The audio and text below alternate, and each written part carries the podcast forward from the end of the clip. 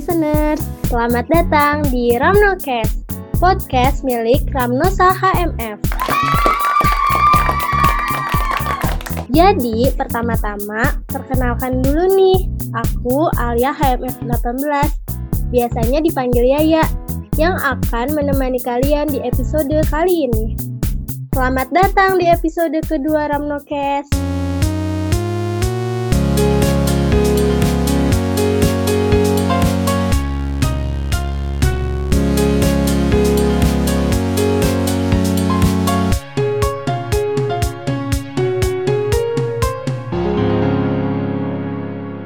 Ramno listeners, tahu nggak sih kalau pandemi COVID-19 ini menyebabkan semua orang wajib melakukan langkah perlindungan diri dari penyebaran virus SARS-CoV-2 yang bisa menular melalui batuk, bersin, kontak tubuh, bahkan benda-benda yang terkontaminasi. Salah satu alat perlindungan diri yang sangat dianjurkan untuk dipakai adalah masker. Bahkan di awal pandemi ini sempat terjadi penimbunan masker secara massal. Penasaran banget kan Ramno listeners? Kalau gitu, yuk langsung kenalan sama dua narasumber kece kita kali ini. Ada Bro dari HMF dan Sis dari HMTL yang tersambung via Zoom. Boleh deh dari kakak HMTL dulu yang cantik ini. Oke, halo semuanya. Uh, kenalin nama aku Valia Alia dari HMTL ITB. Halo sis Alia, wah samaan nih kita namanya. Apa kabar sis? Baik, baik. Wah, Alhamdulillah. Nah sekarang dari Bro HMF nih, sama siapa Bro? Halo, nama aku Muhammad Andika dari HMF 17. Halo Bro Andika, apa kabar Bro? Alhamdulillah baik. Alhamdulillah.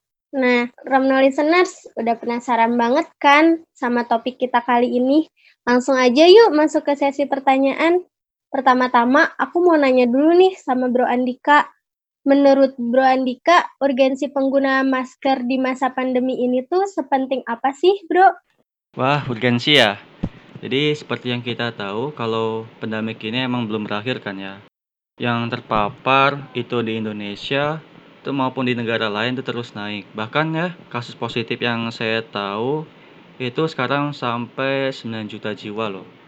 Nah, sebelum kita ngomongin urgensi atau pentingnya pakai masker, gimana sih virus ini nular? Menurut WHO, jadi virus ini dapat menular melalui percikan droplet atau bahasa mudahnya apa ya, air liur. Jadi droplet ini berasal dari kita ngobrol, bersin, ataupun ya batuk. Jadi bisa keluar tuh dropletnya dari sini kebayangkan kalau kita nggak pakai masker gimana. Emang sih awalnya pakai masker ini buat orang yang kurang sehat aja. Tapi seiring waktu, baik yang gak enak badan ataupun yang merasa sehat, itu wajib pakai masker. Nah, kenapa bisa gitu? Kenapa orang yang sehat juga bisa pakai? Jadi, eh, sebagian besar ya, orang yang terinfeksi virus corona ini, itu mereka nggak punya gejala atau istilah ilmiahnya asimptomatik. Pada akhirnya ketika mereka nggak sadar tuh udah terinfeksi malah ngeluarin ke yang lain. Itu juga seterusnya. Nah, jadi dengan gitu penting bagi kita buat pakai masker. Oh iya iya iya. Terus bro, kan di pasaran banyak banget nih ya jenis-jenis masker. Nah sebenarnya tuh jenis masker seperti apa sih yang bisa melindungi kita dari virus SARS-CoV-2 ini? Uh, jadi selama ini masa pandemi ini yang sering dipakai itu emang ada tiga. Masker kain, masker bedah, dan masker N95. Pertama masker kain. Jadi masker kain ini itu umumnya sering kita pakai bagi kita yang sehat-sehat saja, tapi dengan tetap menjaga jarak. Nah, kelebihannya masker ini itu bisa dipakai berkali-kali dan untuk mengantisipasi kelangkaan masker. Banyak tuh kan ya sekarang ini bukan masker medis. Jadi uh, masker kain ini tuh sangat direkomendasikan buat kita yang sehat. Terus efektivitas masker kain itu uh, dalam menyaring partikel bisa sampai 70%. Nah, terus yang kedua tuh masker bedah. Kalau yang kita temuin itu ada sisi putih sama sisi hijaunya yang namanya masker bedah. Jadi uh, bagian tenaga medis direkomendasikan pakai masker bedah. Penggunaan masker ini pun uh, cuma bisa buat penanganan jenazah, praktek umum, dan lab. Dan kalau menangani secara langsung, nggak boleh pakai masker ini. Untuk efektivitas masker bedah, itu bisa nyaring partikel sampai 90%. Dan juga, selain tenaga medis, masker ini tuh uh, direkomendasikan untuk yang sedang sakit, misalnya muncul gejala seperti batuk-batuk, bersin, demam, atau ya seperti gejala flu biasanya. Terus yang terakhir, masker N95. Nah, untuk masker ini itu khusus uh, untuk tenaga medis yang kontak erat secara langsung dengan pasien. Tapi juga perlu ada EPD lain, kayak misalkan face shield gitu. Terus efektivitas masker N95 itu bisa nyaring partikel sampai 90%. Nah, untuk kesimpulannya, menjawab pertanyaan, jadi untuk yang kita yang sehat saja, lebih baik itu menggunakan masker kain saja. Gitu. Oh gitu ya bro. Ramno listeners boleh dicatat baik-baik ya buat kita yang sehat. Nah ini sering banget bro ditanyain sama Ramno listeners yaitu bagaimana cara menggunakan masker yang baik dan benar. Cara buangnya, cara lepasnya, itu gimana sih bro? Um, sebenarnya mudah sih pakai masker tuh gimana. Pertama, kita harus cuci tangan dulu pakai sabun atau antiseptik. Terus pastiin masker kita nggak kotor. Lalu waktu masang ma masker itu harus nutup hidung sama mulut. Nah ada tuh kan ya kalau misalkan kita lihat kalau pakai masker uh, mulutnya ketutup tapi hidungnya enggak. Nah ini bahaya.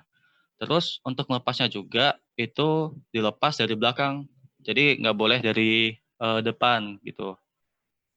Jadi kalau misalkan udah kita lepas maskernya, kita harus cuci tangan lagi. Tapi ada juga nih yang perlu diperhatiin, misalnya nggak boleh nyentuh masker atau bagian muka selama kita pakai. Nah ini perlu dicatat nih. Dan juga uh, masker tuh ya, kalau kita pakai nggak menjamin kalau kita bakal tertular. Jadi harus tetap jaga jarak. Nah, untuk masker kain, karena bisa dipakai berulang kali, pasti ya harus dicuci kan ya. Nah, pastinya pun harus pakai air panas yang berisi sabun. Terus dikeringinnya eh, di bawah sinar matahari yang panas gitu. Oh gitu ya bro. Jangan lupa dicatat juga ya Ramno listeners. Nah, Terus kan untuk medis banyak banget nih bro diperdebatkan cara pakai masker yang di dalamnya tuh yang putih atau yang birunya sih. Gimana nih bro? Nah jadi sebenarnya pakai yang benar itu ialah sisi putih yang di dalam dan yang hijau itu di luar. Nah sisi putih ini dia sifatnya sebagai penyaring dan juga ada material penyerap. Jadi selain menyegah nyebaran virus ya, kalau kita misalkan lagi sakit atau terpapar virus, kalau misalkan kita lagi sehat, sisi putih juga bisa menyerap hembusan nafas agar nggak terasa lembab di mulut kalau kita kelamaan pakai itu. Nah, sebaliknya sisi yang hijau itu nggak terbuat dari material yang dapat menyerap. Jadi kalau kita pakai di dalam, salah pakai tuh, salah malah yang hijau yang di dalam itu buat uh, kita napas tuh nggak nyaman gitu sih. Oh, begitu ya. Nah, sekarang udah jelas banget ya Ramno listeners, mana yang di dalam, mana yang di luar. Nah, terkait APD nih bro, APD lain seperti jas lab steril, sarung tangan, face shield, seberapa penting sih APD tersebut? Ya, seperti kebaikan berita yang kita tonton, eh, bahwasanya banyak tenaga medis, eh, istilahnya tuh ya, perang dengan senjata yang nggak lengkap. Misalnya, pakai jas hujan tuh. Tapi di sini aku sangat kagum sih, nggak sedikit dari mereka yang tetap bertugas terlepas dari perlindungan yang nggak maksimal. Jadi eh, kita mesti membantu mereka, seenggaknya di rumah aja atau ya menggalang dana tenaga medis. Nah, jadi balik lagi nih ke pertanyaan. APD itu apa sih? Menurut WHO, APD itu merupakan peralatan yang digunakan untuk mencegah dan mengendalikan infeksi. Nah, infeksi di sini uh, dalam artian virus corona kan ya. Nah, adapun APD berdasarkan Kementerian Kesehatan Republik Indonesia, yaitu masker, sebelumnya udah kita jelasin, goggles, agar mata dan area sekitar terhindar dari droplet pasien COVID-19, terus ada face shield, lalu ada sarung tangan untuk mengurangi resiko kontak langsung dengan permukaan yang terkontaminasi virus. Terus ada pelindung tubuh atau istilahnya gaun medis tuh untuk melindungi uh, tubuh secara keseluruhan, mulai dari kepala, punggung sampai mata kaki. Nah, yang terakhir itu ada sepatu boot anti air. Biasanya uh, ini tuh dipakai kalau nanganin langsung terhadap pasien. Gitu sih. Gitu ya. Iya benar banget sih, kita harus mengapresiasi jasa para tenaga medis ya. Nah, Bro Andika, siapa sih yang bisa pakai APD? Apakah bisa semua orang pakai APD gitu? Kalau mau pergi ke mana gitu, pakai APD lengkap gitu? Atau cuma tenaga medis aja? Oke, jadi penggunaan alat pelindung atau APD yang udah disebutin sebelumnya tuh, itu hanya untuk tenaga medis yang merawat pasien positif COVID-19 dan juga petugas kebersihan yang membersihkan ruang perawatan dan ruang isolasi. Nah, bagi kita yang bukan medis, itu disarankan menggunakan masker kain aja atau ya ditambah dengan face shield juga bisa gitu. Oh, gitu ya, Kak. Ternyata sepenting itu ya menggunakan masker dan APD yang lainnya. Terus bagaimana cara menggunakan masker yang benar membuat aku lebih aware nih. Karena kan kalau kita pakainya salah juga jadi gak maksimal ya perlindungan dirinya. Ya gak Ramno listeners? Dan ternyata sekarang sudah jelas ya siapa aja yang wajib pakai APD. Jadi kita bisa saling membantu nih untuk orang-orang yang wajib pakai APD dengan tidak menggunakannya. Nah, sebenarnya nih aku mau langsung beralih sama Sis Alia dari HMTL. Mau nanya terkait limbah medis nih, Sis. Sebenarnya tuh APD yang telah digunakan ini termasuknya ke limbah kah? Kenapa dia tuh bisa jadi limbah? Oke, uh, Alia, makasih pertanyaannya ya.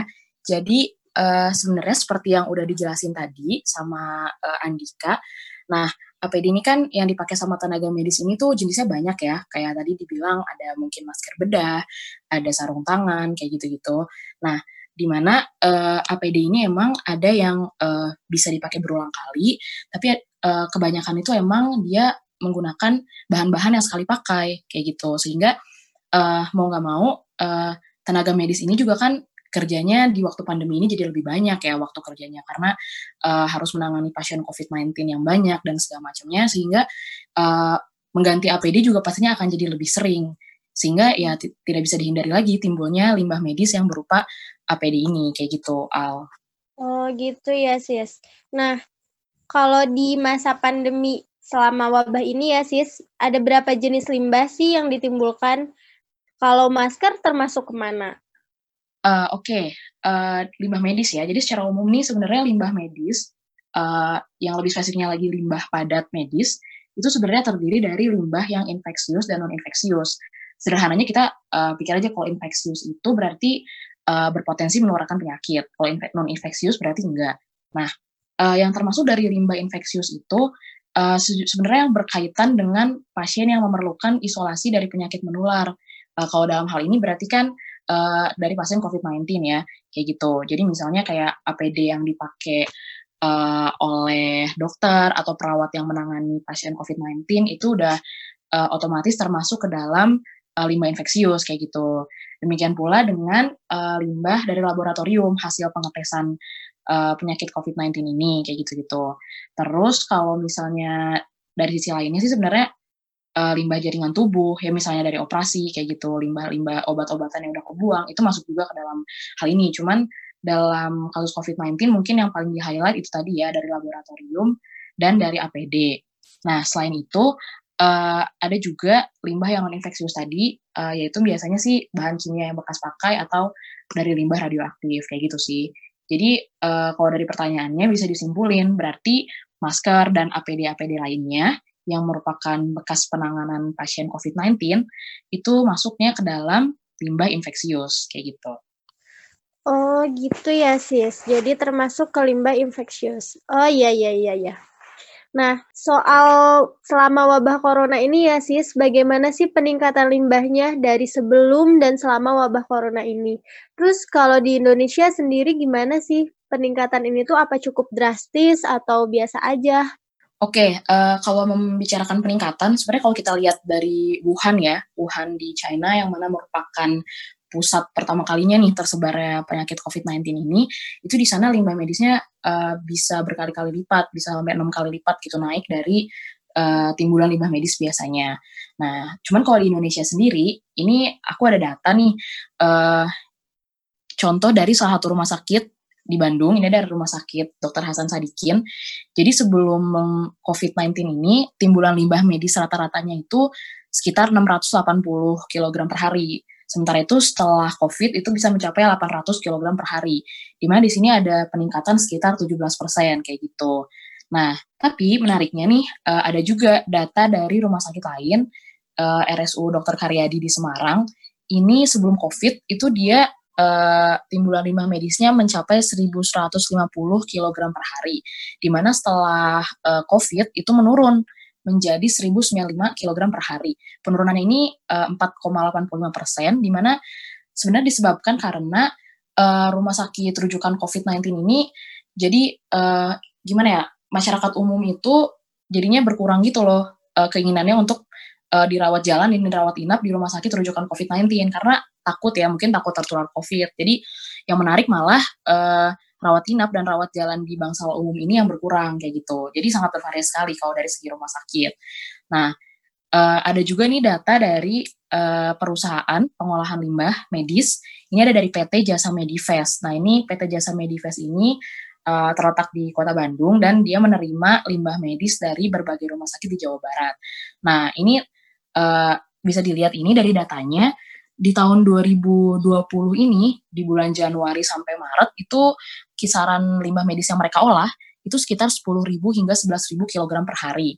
Nah, tapi di bulan April nih, di mana COVID-19 mulai uh, menyebar di Indonesia, itu langsung naik timbulan limbah medisnya yang mereka olah menjadi sekitar 14.000 kg per hari. Ya, kenaikannya sekitar 25% berarti kayak gitu. Jadi kita bisa simpulkan sebenarnya uh, dengan adanya pandemi COVID-19 ini sangat berpotensi ya untuk meningkatkan jumlah limbah medis di Indonesia. Nah, ada juga keterangan dari Menteri Lingkungan Hidup uh, Indonesia ini hingga tanggal 8 Juni 2020 itu sudah ada sekitar 1.100 ton limbah medis infeksius di seluruh Indonesia. Kayak gitu. Menarik nih, ada yang turun, ada yang naik. Nah, terkait limbah ini sebenarnya ditangani oleh siapa sih? Oke, jadi secara umum sebenarnya pengolahan limbah medis di Indonesia itu bisa dilakukan secara onsite ya atau langsung di tempat dihasilkannya limbah medis yaitu di fasilitas kesehatan. Jadi uh, dalam hal ini si fasilitas kesehatannya ini uh, atau rumah sakit puskesmas kayak gitu dia punya uh, fasilitas pengolahan tersendiri nih. Nah, namun ada juga yang dilakukan secara offsite alias dilakukan di luar tempat itu. Jadi diambil dulu keluar, kemudian nanti diserahkan ke pihak ketiga yang berupa perusahaan pengolah limbah B3 kayak gitu ya. Nah, uh, untuk kondisi saat ini sebenarnya di Indonesia ini terdapat 12 perusahaan pengolahan limbah medis yang berlisensi nih. Nah, di mana mayoritasnya ini terletak di Pulau Jawa ya. Ada 9 di Pulau Jawa, kemudian satu di Pulau Kalimantan, satu di Sumatera, dan satu lagi di Sulawesi, kayak gitu. Nah, jika digabungkan, sebenarnya kapasitas totalnya ini bisa mencapai 180 ton per hari limbah medis yang mereka olah. Nah, untuk fasilitas kesehatan sendiri, saat ini uh, terdapat 87 rumah sakit nih yang uh, mendapat izin pengolahan limbah B3 sendiri, di mana 82 di antaranya itu menggunakan alat insinerator dan 5 lagi menggunakan autoclave. Nah, jika digabungkan kapasitasnya ini bisa 50 sampai 60 ton per hari kayak gitu. Cukup banyak ya bisa diolah per harinya. Wah, keren-keren. Nah, dalam pengolahannya limbah medis ini sendiri, apakah ada permasalahan? Kalau ada, apa sih upaya yang dilakukan untuk menyelesaikannya? Ya, oke. Okay. Jadi kalau bisa dilihat dari jumlahnya tadi mungkin terlihat banyak ya yang bisa diolah. Cuman sayangnya timbulan limbah medis sendiri dari seluruh fasilitas pelayanan kesehatan di Indonesia itu perharinya tuh bisa sampai 290 ton per hari ya.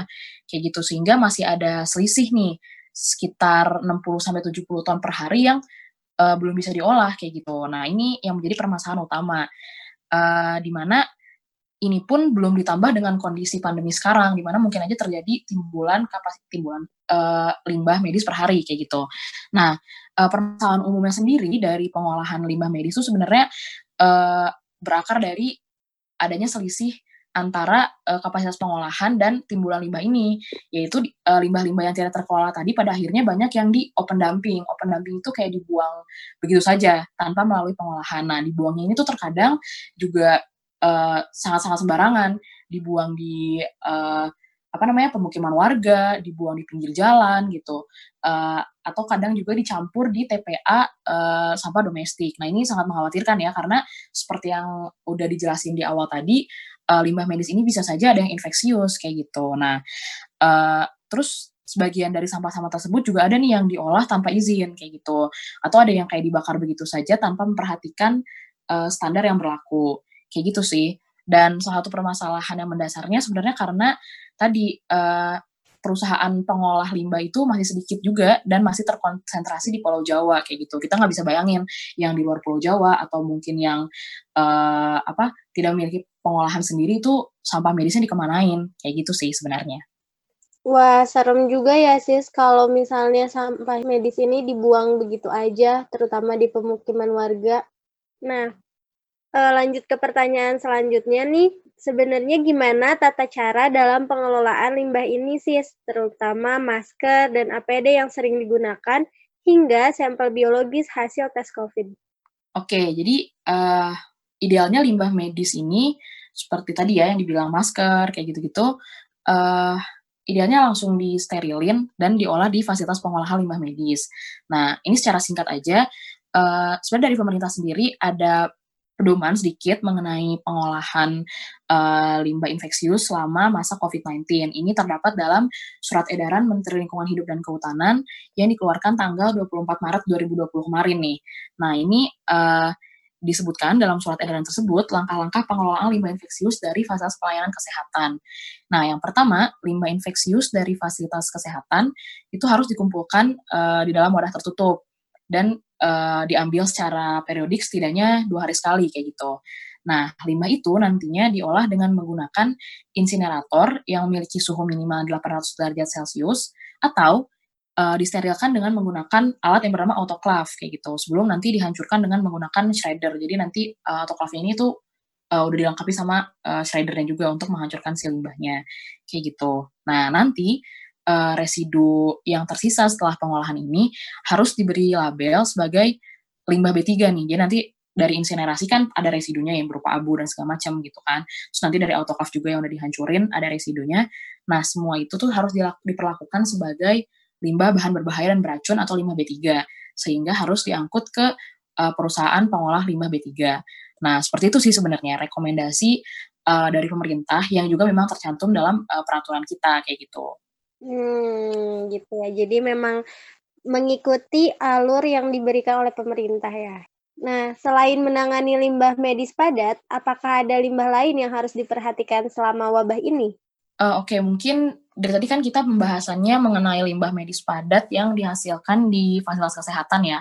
Uh, seperti misalnya APD yang dari tenaga medis tadi dan segala macam. Nah, namun uh, dalam surat edaran tadi juga yang aku sempat sebutkan itu juga di highlight nih mengenai limbah infeksius dari uh, eh, ODP ya atau orang dalam pengawasan gitu yang uh, yang tinggal di rumah diisolasi di rumah kayak gitu. Nah, di mana uh, di sini direkomendasikan juga uh, kepada orang-orang yang menjadi ODP ini untuk menangani limbahnya sendiri. Jadi uh, limbah infeksius misalnya masker kayak gitu atau uh, sarung tangan mungkin kalau pakai itu harus dikumpulin dalam wadah tertutup yang dilabeli dengan limbah infeksius. Kemudian nanti uh, dikemas sehingga nanti dapat diangkut dan dimusnahkan di uh, tempat pengolahan limbah B3 kayak gitu. Nah, di sini yang menjadi concern juga sampah-sampah uh, sebenarnya dari kita nih, dari kita nih bukan termasuk ODP kan misalnya, kita orang yang sehat, cuman uh, terdapat kekhawatiran bahwa sebenarnya uh, seperti yang tadi Andika bilang kan, uh, penyakit ini tuh terkadang juga tidak bergejala kayak gitu. Sehingga uh, sebaiknya sampah-sampah yang menurut saya sampah medis yang kita hasilkan pun lebih baik dilaku, diperlakukan sebagai limbah infeksius kayak gitu untuk apa berhati-hati. Sehingga uh, bagusnya uh, kalau misalnya kita habis pakai masker nih, masker medis misalnya, itu kita uh, benar-benar tadi seperti yang Andika bilang dibuka dengan cara yang benar, terus kita tutup ke bagian dalam, terus kita taruh di dalam kantong plastik yang tertutup kayak gitu dan diberi tanda sehingga nanti petugas sampah yang ngumpulinnya ini nggak langsung kena gitu ke sampah medis yang kita buang kayak gitu sih. Jadi uh, tambahan dari aku mungkin ya itu tadi uh, selain limbah medis di fasilitas kesehatan, kita juga harus memperhatikan limbah medis yang mungkin dihasilkan di rumah kita masing-masing kayak gitu sih Al. Wah, ini bikin Ramno listeners jadi lebih aware ya soal uh, limbah yang kita hasilkan sendiri di rumah. Karena kita nggak tahu apakah kita ini sebagai carrier atau enggak gitu ya.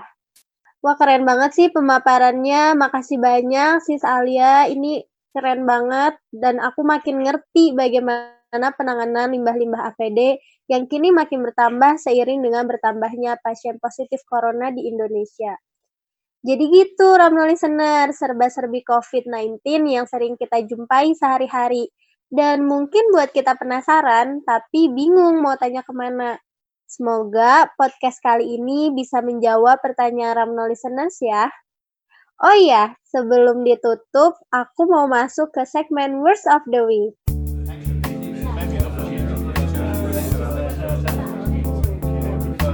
Langsung aja nih, words of the week dari Bro Andika apa nih? Kalau dari aku, uh, sebaik-baik manusia ialah yang bermanfaat bagi orang lain. Karena sejatinya ketika kita berbuat kebaikan dengan orang lain, maka manfaatnya itu akan balik lagi ke kita. Kalau dari sis Alia, Hmm, apa ya? Kalau dari aku mungkin karena aku dari TL, terus tadi kita bahas tentang limbah-limbah juga, mungkin aku mau uh, pesen aja kali ya words of the week-nya, uh, manage your waste wisely gitu. Jadi kita harus memperlakukan uh, sampah-sampah yang kita hasilkan secara bijak ya, sampah apa pun ya, uh, kayak gitu sih. Jadi mungkin kita lebih bijak aja dalam uh, menangani sampah yang uh, kita hasilkan dan terutama sih menurutku kita yang paling kita bisa lakuin tuh mengurangi sampahnya ya, kayak gitu udah ya paling kayak gitu aja dari aku. Makasih banyak loh sis. Ini words of the week-nya semoga nempel ya di telinganya Ramno listeners, di kepalanya, di hatinya. Semoga bisa diaplikasikan dengan baik juga.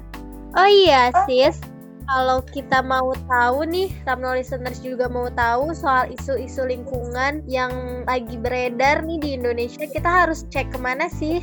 Oh iya nih, jadi kita dari HMTL ITB itu sering banget juga uh, ngebahas-bahas tentang isu lingkungan dan biasanya kita posting juga di sosial media kita. Jadi boleh banget di follow di @hmtl underscore ITB di Instagram atau di Twitter ya teman-teman.